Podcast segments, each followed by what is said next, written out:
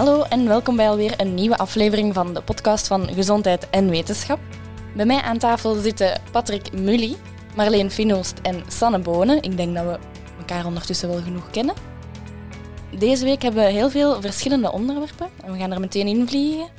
Ik heb gelezen dat we kunnen vermageren als we heel veel watermeloen eten. Klopt dat, Patrick? Wel, het legt dan de nadruk op veel, want het is zeer veel. Het is enorm veel. Het is verschrikkelijk veel. Dus inderdaad, er is een studie geweest op muizen en die toonde aan dat er bepaalde stof is in watermeloen, citruline. Om het te zeggen, om, te, om een naam te geven. Ja, citruline zou dus die muizen doen vermageren, maar uiteindelijk zeer eigenaardig, die ratten die vermageren dan niet. Het zou dus alleen met de muizen werken.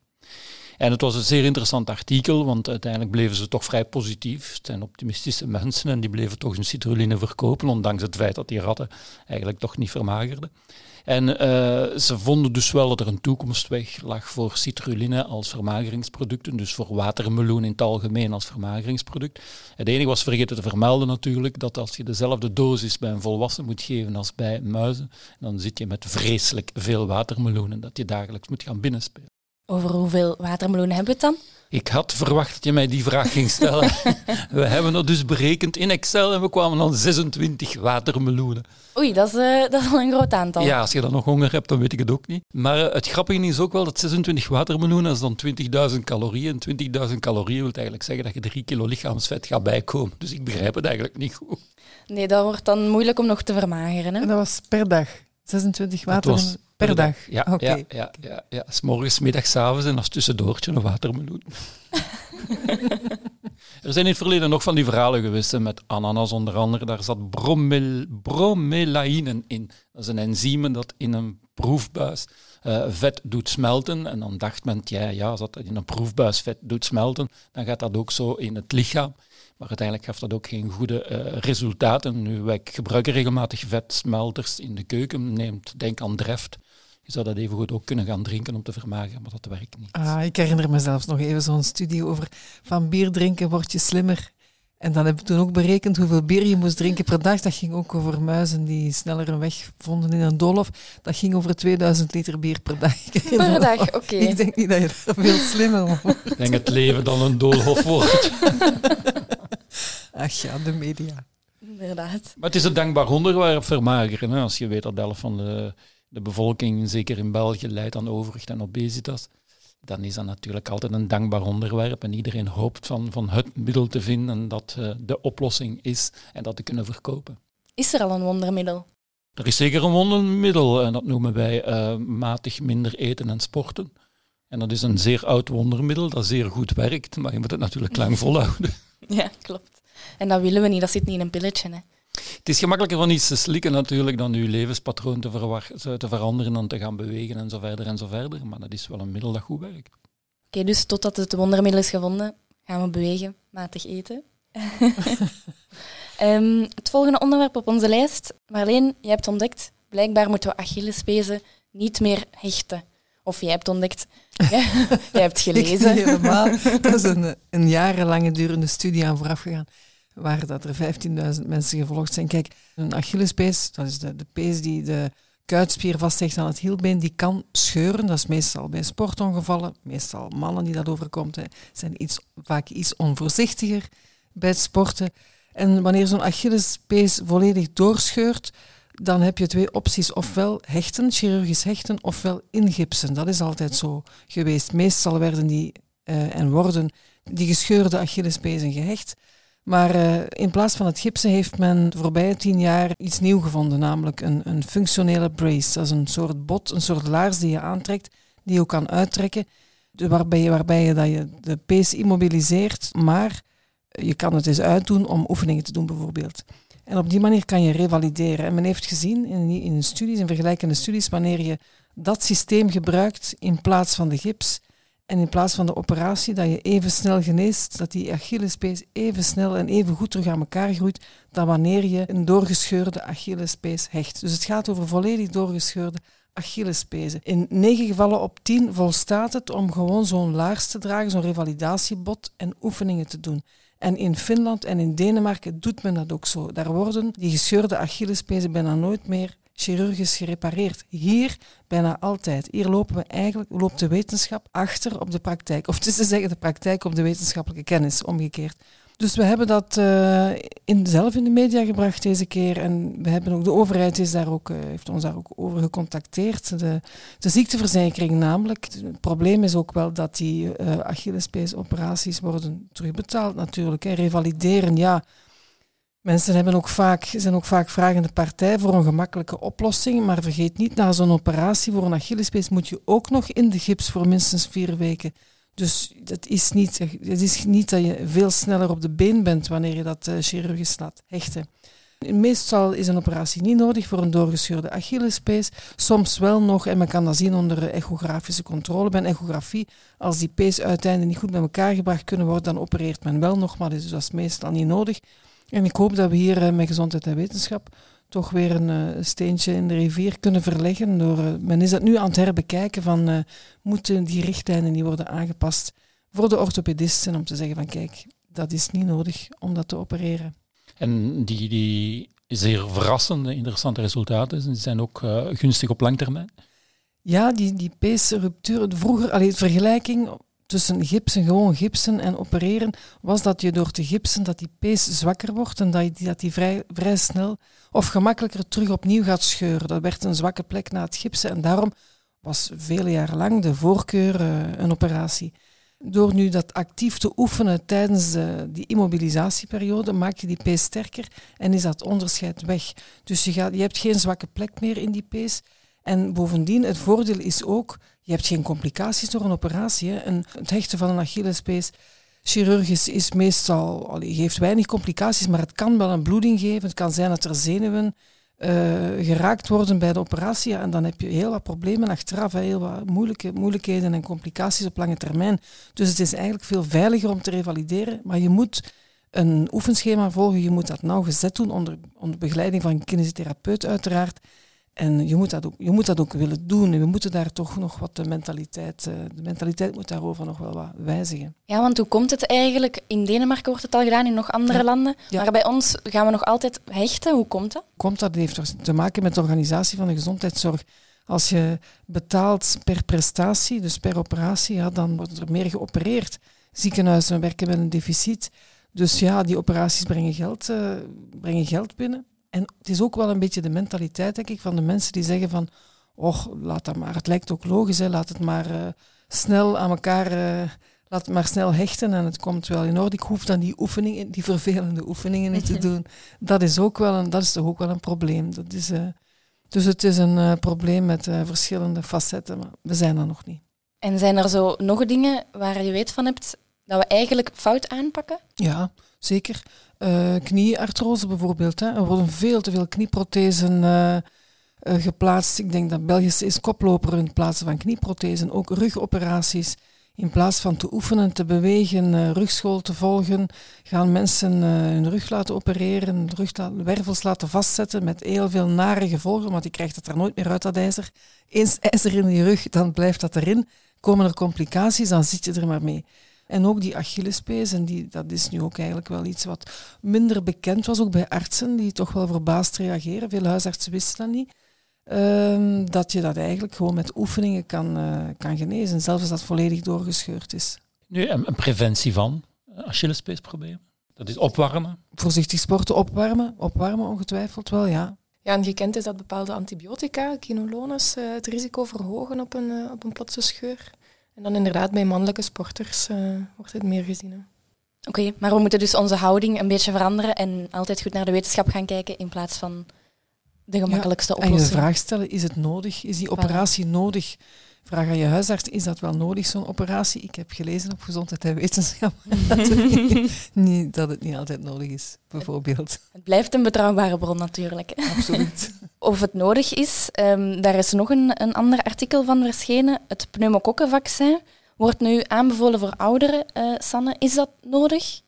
Wel, um, gezien onze huidige gezondheidstoestand uh, wereldwijd, is het inderdaad zo dat, uh, dat we gaan nadenken van ja, de winter komt eraan en, en ja, Eh, bij de vorige uitbraak, dus de eerste golf, hebben we gezien dat we echt voorzichtig moeten zijn en moeten zorgen dat er genoeg ziekenhuisbedden zijn voor als er heel veel mensen tegelijkertijd ziek worden. En um, ja, willen we natuurlijk proberen te voorkomen dat er mensen door andere aandoeningen in het ziekenhuis belanden. En een voorbeeld daarvan is, is de griep. Voorkomen dat mensen ernstig ziek worden door de griep.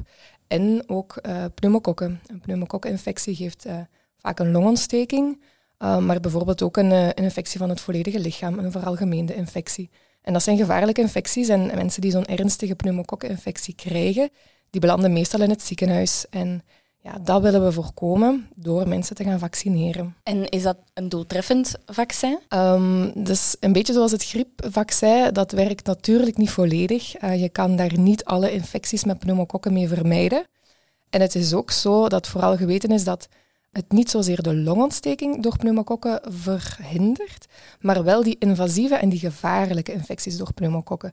Dus die hou je wel degelijk voor een groot deel tegen door vaccinatie. Ja, dat is ook zo, denk ik, bij griepvaccinatie. Door te vaccineren voorkom je niet altijd griep, maar je voorkomt wel de, ernstige, complicaties. Ja, ja. Zeker bij ouderen.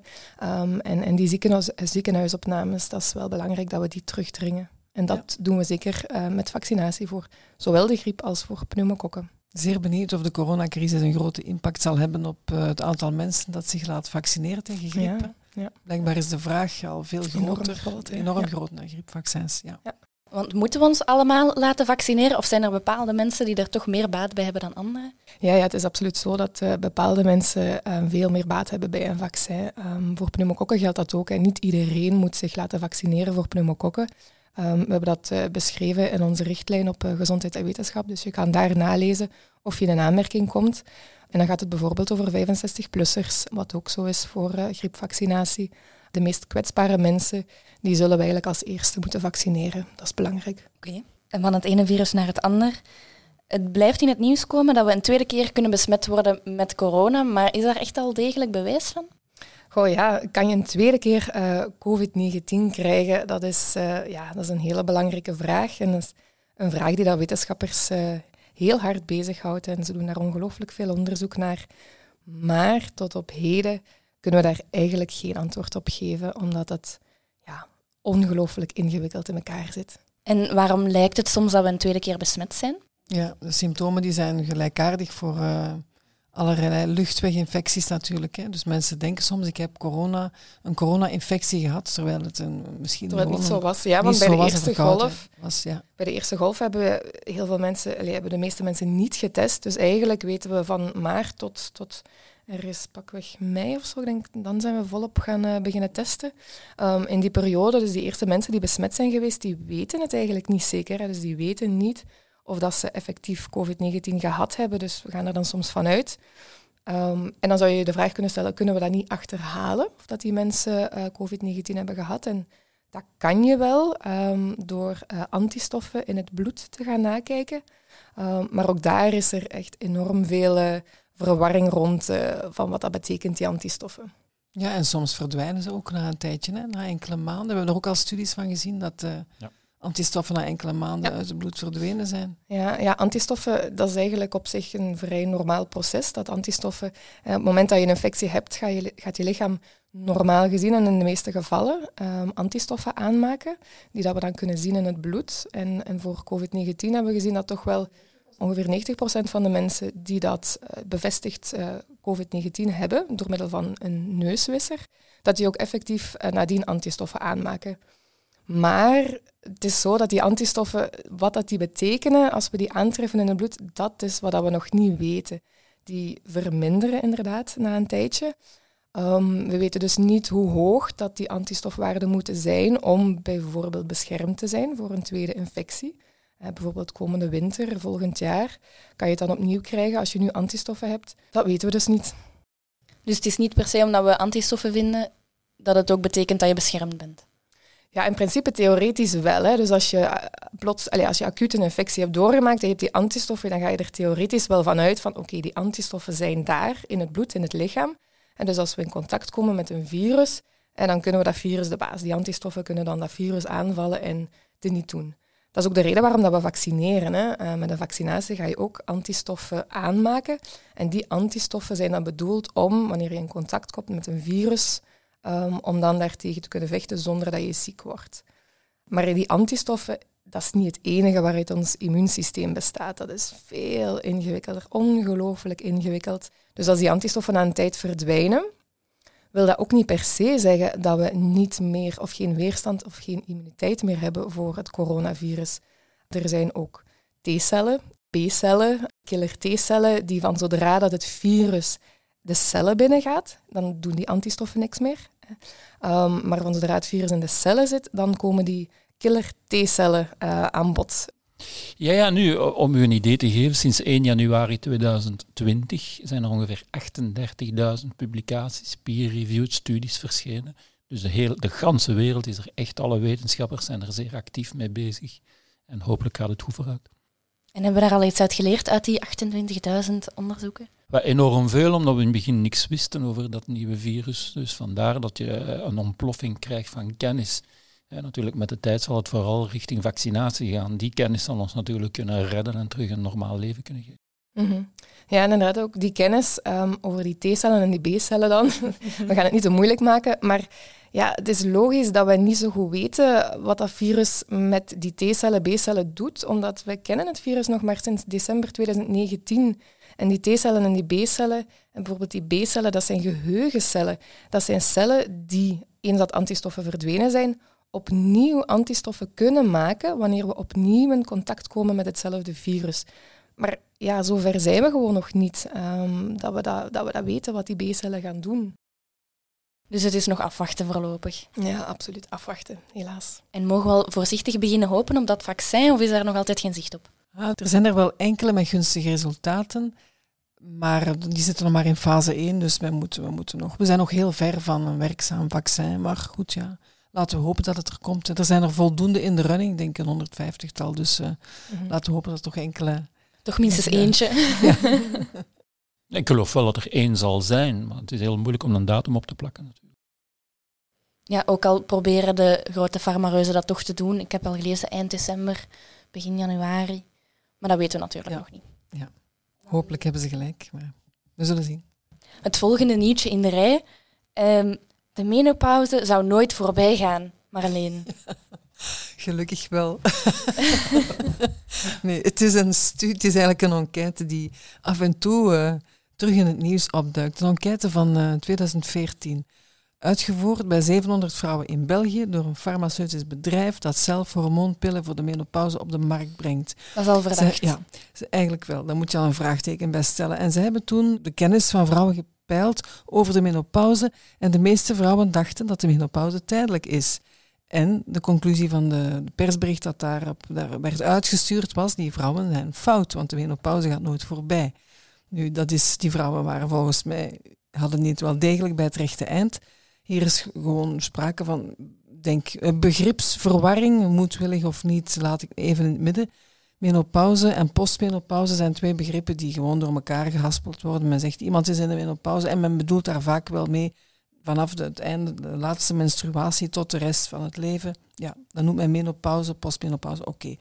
Dus tot daar het begrip. Maar uh, wat daaronder zit, en dat is eigenlijk uh, het ongemakkelijke, dat is natuurlijk een farmabedrijf dat hormoonsubstitutie op de markt brengt voor menopauzeklachten. Dat, daar wordt wat te veel belang aan gehecht, te veel gewicht uh, aan toegekend.